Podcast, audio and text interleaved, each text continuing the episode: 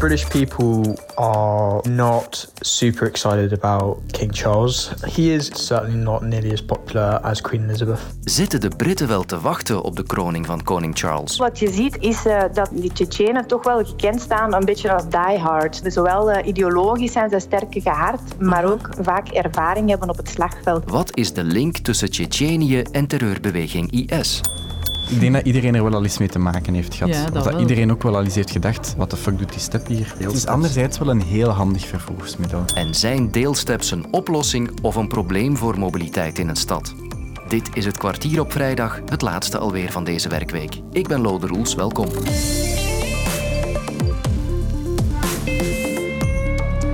It's looking busy here on the Mall. You can see it's already uh, full of people who've been here some time, even though the coronation itself isn't until Saturday morning. Morgen is het zover. Dan wordt Charles III officieel gekroond tot koning van het Verenigd Koninkrijk en hoofd van het gemene best van naties. Het wordt een dag vol optochten en parades, eeuwenoude tradities en pronkerige ceremonies. Een unieke dag ook, want de vorige kroning dateert al van 1953. Now the royal scepter, the ensign of kingly power and justice. Op 2 juni van dat jaar werd koningin Elisabeth II gekroond. Now follows the supreme climax of the ancient ritual. The archbishop performs the simple, yet the most significant ceremony of the queen's coronation. Nu, bijna 70 jaar later, volgt Charles zijn moeder op in een ceremonie die weliswaar wat afgeslankt is, maar toch nog bulkt van de pracht en de praal. De kroning van de koning. Ja. Ehm, daar zijn al afspraken over gemaakt, zeker? Daar zijn al afspraken over gemaakt. Dus Veerle de Vos, Hallo, hallo. Die is in Londen, hè? Ja, die is in Londen en eh, die heeft de voorbije dagen al wat klank verzameld, zowel van aanhangers als van republikeinen. Zitten de Britten wel te wachten op de kroning van Charles? dat hangt ervan af waar je je bevindt, Lode. En ik zit hier nu in ehm, ja, Coronation Central, zal ik het maar noemen. St. James Park. En dat is zo ongeveer tussen... Ja, aan de ene kant heb je Westminster Abbey en aan de andere kant Buckingham Palace. Dus veel meer in het hart kan je niet zitten. Nu hier vlakbij, op een paar meter van mij, staan eigenlijk ja, die typische eerste tentjes. Hè, zoals we die bij alle koninklijke gelegenheden zien. Eh, vanochtend waren de mensen daar al volop porridge aan het klaarmaken en thee met melk aan het drinken.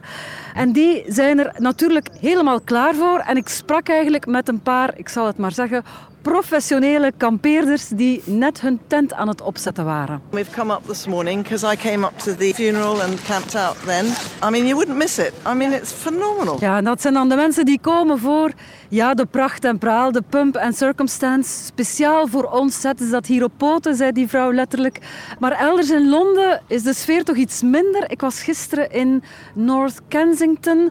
Dat is eh, vlakbij, weet je wel, Notting Hill. Hè, die hippe markt, Portobello Market. Maar ook de Grenfell Tower, weet je nog wel, Lode, hè, waar die brand heeft plaatsgevonden zes jaar geleden met heel veel sociale flats. Dus je zou kunnen zeggen, een plek waar je ja, heel Londen een beetje bij elkaar vindt. En daar vond ik vooral heel veel onverschilligheid. En wat me dan ook opviel, was vooral bij jongeren, hoe zal ik het zeggen, een beetje afkeer van, van heel die ceremonie.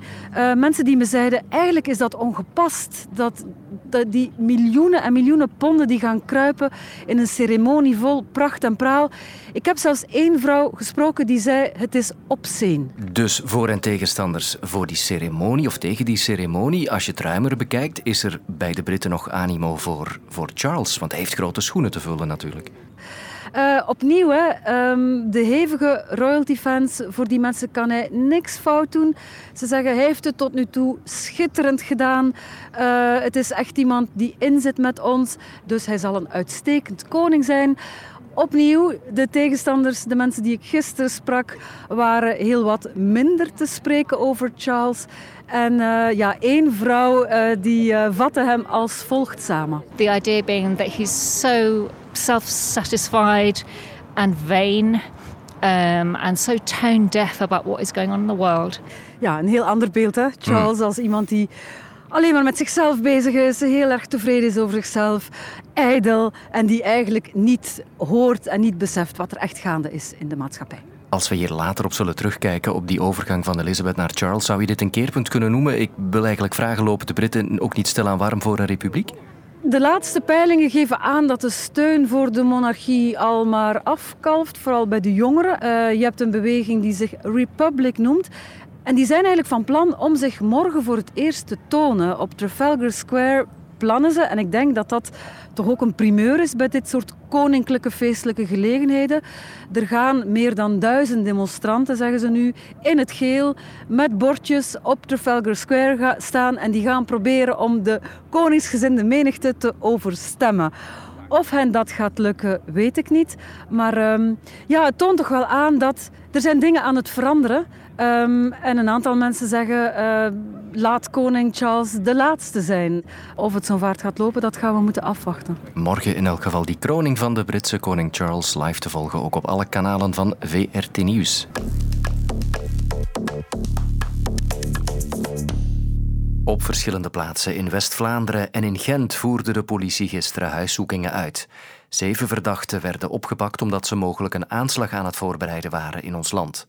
Volgens het federaal parket ging het om aanhangers van terreurgroep IS. Het merendeel van hen is van Tsjetsjeense afkomst. IS en Tsjetsjenië, dat is niet meteen een link die ik zou leggen. Maar toegegeven, ik weet dan ook weinig over die regio. Gelukkig kon collega Marijn Trio mij in één minuut helpen.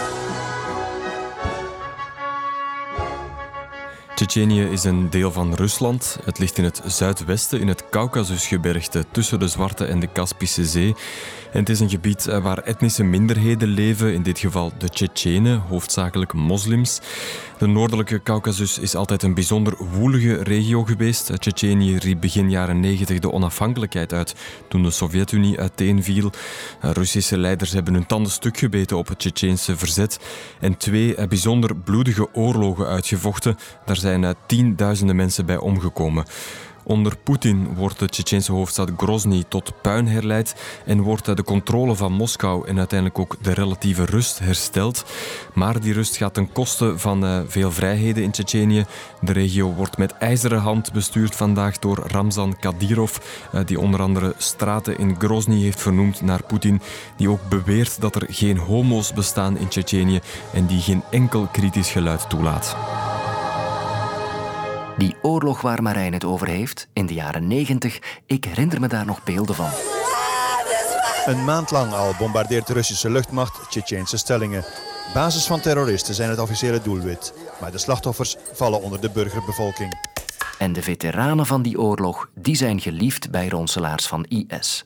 Dat bevestigt Annelies Pauwels van het Vlaams Vredesinstituut. Zij onderzoekt radicalisering. Omdat zij toch wel een beetje een die-hard eh, status hebben.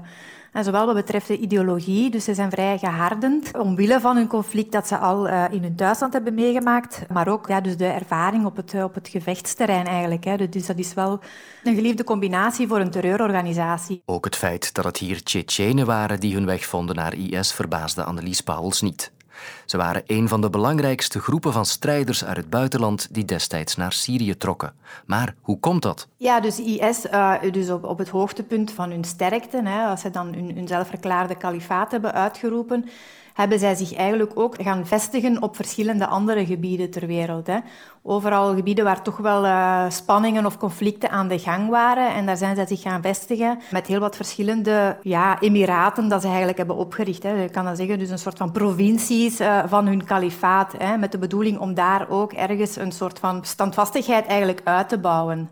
Een van die provincies was dus de, de provincie de Caucasus. Ja, iets wat ook een drijvende kracht heeft gespeeld in het sturen van die strijders naar Syrië is uh, denk ik ook uh, de harde hand van Rusland tegen jihadisten eigenlijk in het thuisland. Op een gegeven moment in de aanloop van de Olympische Spelen, die dat in Rusland werden georganiseerd in 2014, zag je dat Rusland uh, vrij hard is beginnen optreden tegen jihadisten. Dus om alles zo vlot mogelijk te kunnen laten verlopen tijdens de Olympische Spelen zelf natuurlijk. En dat betekent dat het voor die jihadisten hè, die actief waren in Rusland, dat die heel wat werd bemoeilijkt in, in hun dagelijkse operaties. Hè. Dat natuurlijk mee heeft gezorgd dat die strijders zeggen van het is misschien voor ons interessanter om ergens anders de jihad te gaan voeren.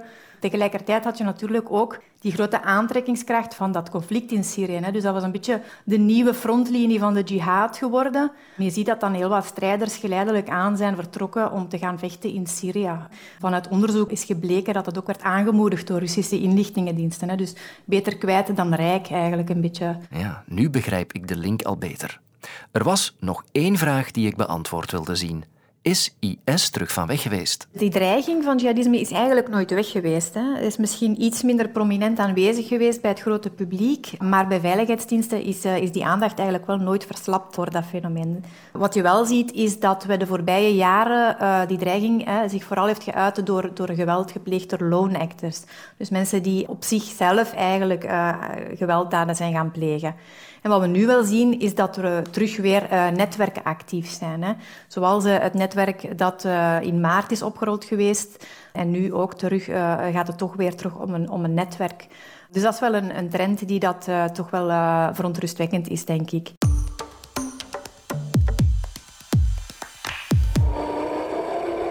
Je ziet ze steeds vaker in het verkeer. De elektrische step of e-step. Een dun plankje met twee kleine wieltjes eronder en een ijzeren stuurkolom, aangedreven door een elektrische motor. Wie er zelf geen heeft en zich in de stad snel wil verplaatsen, kan er eentje huren. Een deelstep heet dat dan. Maar na klachten over overlast perkt Brussel het gebruik van de deelsteps vanaf volgend jaar in en komen er strenge regels over waar je de step mag parkeren. In Parijs hebben inwoners in een referendum zelfs beslist om de steps helemaal te bannen. Les Parisiennes et les Parisiens se sont massivement exprimés contre le maintien des trottinettes en libre service à Paris. Wegen de voordelen nog op tegen de nadelen. Ik maak de balans op met mobiliteitsexperten Dirk Lauwers en Cathy Magaris. In de eerste plaats komt voor mij toch het verkeersveiligheidsprobleem. Een stukje tand kwijt en mijn lippen van binnen genaaid, met een neus recht gezet, uh, wenkbrauwen helemaal toegenaaid. We zitten nu aan ongeveer 1500 slachtoffers per jaar in het verkeer door e-step gebruik. Dat was vorig jaar. Het jaar daarvoor waren er een duizendtal en het jaar daarvoor 500. Dus we zien dat uh, heel sterk stijgen met ongeveer 500 slachtoffers meer per jaar. Wat dat het grootste probleem is, denk ik, in Brussel, is dat die her en der niet mooi op, op het voetpad geparkeerd worden. Dat het ruimte impact voor voetgangers, ook zeker mensen met beperkte mobiliteit, die daar hinder van ondervinden. Op verschillende plaatsen worden ze gewoon uh, eerder neergesmeten. Uh, men noemt dat dan ook wel eens strooisteps. Die strooisteps veroorzaken dus heel wat hinder. Maar wat zijn de voordelen? Voor duurzame mobiliteit moet er echt een heel goed openbaar vervoerssysteem zijn als echt de basis van de mobiliteit. Maar daarnaast heb je natuurlijk ook andere opties nodig. Als er geen bus meer rijdt, dan zijn die SEPs eigenlijk de enige mogelijkheid om, om ons toch nog te verplaatsen. Dus het, het verbreedt de mogelijkheden. Het grote voordeel van de steps is dat het een erg hippe manier van verplaatsen is. Het is heel soepel in gebruik, het is heel beschikbaar ook, de deelsystemen. Vooral die, die flexibiliteit, het gebruiksgemak, denk ik, zijn de grote voordelen ervan. Hebben deelsteps nog wel een plaats in onze steden? Of is het inperken en strenger zijn op parkeren voldoende om de deelsteps in ons straatbeeld te houden? Ik denk dat dit compromis in Brussel eigenlijk een goede manier is om de voor- en nadelen te combineren. Je, je kan dat reglementeren. Natuurlijk, handhaving is heel belangrijk. Op die manier is het nu afwachten. Oké, met de nieuwe reglementering krijgen we echt meer de voordelen dan de nadelen. Ik denk dat dat ook nog een beetje afwachten is in de mate dat dit, laten we zeggen, het leven en, en de veiligheid van, van voetgangers verder verstoort, zal de weerstand er tegen toenemen en zal je situaties krijgen zoals in Parijs, denk ik, dat politici zodanig onder druk komen dat ze het niet verder kunnen toelaten. Maar er zijn nog uh, zeker heel wat mogelijkheden, maar toch niet vergeten dat het ook een verkeersveiligheidsprobleem is. Het is een van de meest risicovolle manieren van verplaatsen op dit moment in de stad. Je zou daar ook toch nog een aantal bijkomende maatregelen, zoals automatische snelheidsaanpassing naar gelang het gebied waar men rijdt, het blokkeren van steps wanneer ze op het voetpad komen, dat is technologisch allemaal mogelijk. En in de mate dat men dat soort gebruiksvoorwaarden strakker maakt, denk ik dat de kans dat de step blijft toch wel reëel is. Me dunkt dat het heel sterk zal afhangen van het beleid van de overheid om het gebruik ervan meer te verzoenen met andere vormen van gebruik van stedelijke straten. In het algemeen, en dus mensen eigenlijk overtuigen om te zeggen, kijk, Ik woon in die stad. Eh, ik kan mij eigenlijk heel goed verplaatsen zonder echt een wagen te hebben, omdat er al die opties zijn. Dat groter geheel en eigenlijk mobility as a service zien. Het idee dat je met één abonnement heel veel verschillende mobiliteitsopties kan gebruiken. Deelfietsen, steps, maar ook taxis en deelwagens. Dus dat is eigenlijk het idee van de toekomst om, eigenlijk zoals we de Netflix en de Spotify hebben gehad, wel, dat is eigenlijk de Netflix van de mobiliteit. Niet meer een wagen nodig hebben om mobiel te zijn. In dat groter geheel hebben die steps wel hun plek. Mijn rit naar huis wordt zo meteen een combinatie van trein, plooifiets en auto. Geen gedeelde e-step dus. Als jij dat wel doet, wees voorzichtig en tot maandag. Hoeveel quizvragen kunnen twee bekende deelnemers beantwoorden in een zotte quiz vol bloopers en anekdotes uit 40 jaar Studio Brussel? Quiz Quiz Hoera met Eva de Roo. Nu in de app van VRT Max.